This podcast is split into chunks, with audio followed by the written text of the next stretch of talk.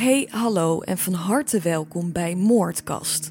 Ik ben Dionne Slachter en samen met mijn broer Hendrik duik ik wekelijks in de meest bizarre moordzaken. Inmiddels is Moordkast al een tijdje exclusief te beluisteren via de app Podimo. Hier op Spotify zie je dus lang niet al onze afleveringen. Wil je nou alles beluisteren? Zorg ervoor dat je heel snel lid wordt van Podimo.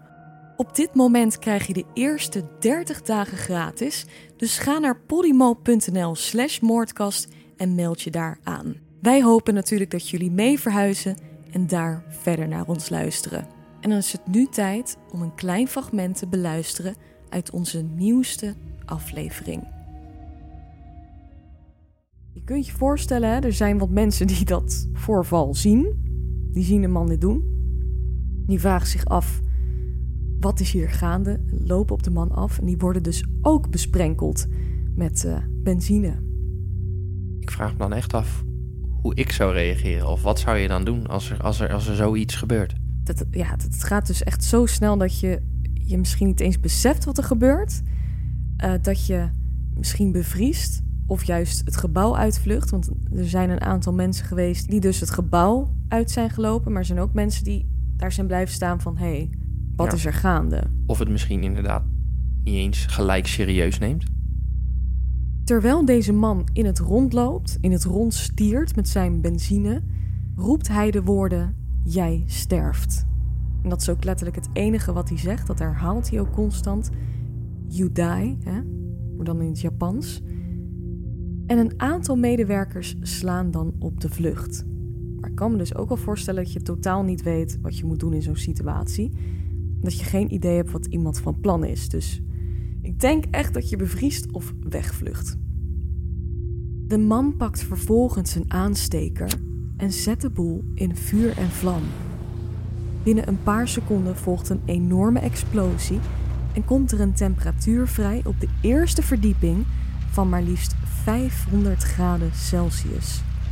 De hele verdieping staat in brand.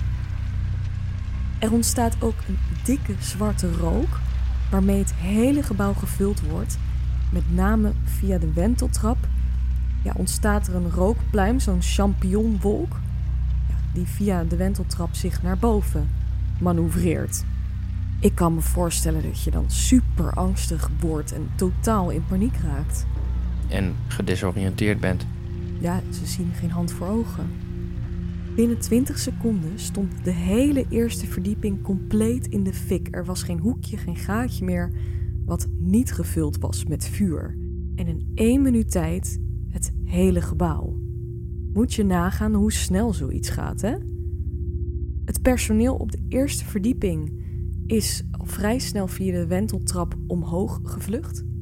Via de hoofduitgang kon niemand meer vluchten, omdat dit geblokkeerd werd door echt een ja, enorm vuur. Het was echt niet meer mogelijk om ja, daar heel huids of levend doorheen te kunnen komen. Lijkt me ook wel dat dat tegen je gevoel ingaat om naar boven toe te gaan. Ja, je wil natuurlijk naar buiten. Ja. ja, de enige kant die nog op kan is naar boven. er zijn heel veel mensen die dachten: we moeten naar het dak. Dat is wellicht onze redding.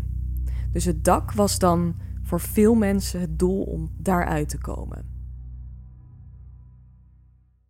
Ben je nou benieuwd naar de rest en daarop volgende afleveringen? Ga dan naar podimo.nl/slash moordkast. Wij hopen natuurlijk dat jullie met ons meegaan en daar verder naar ons luisteren.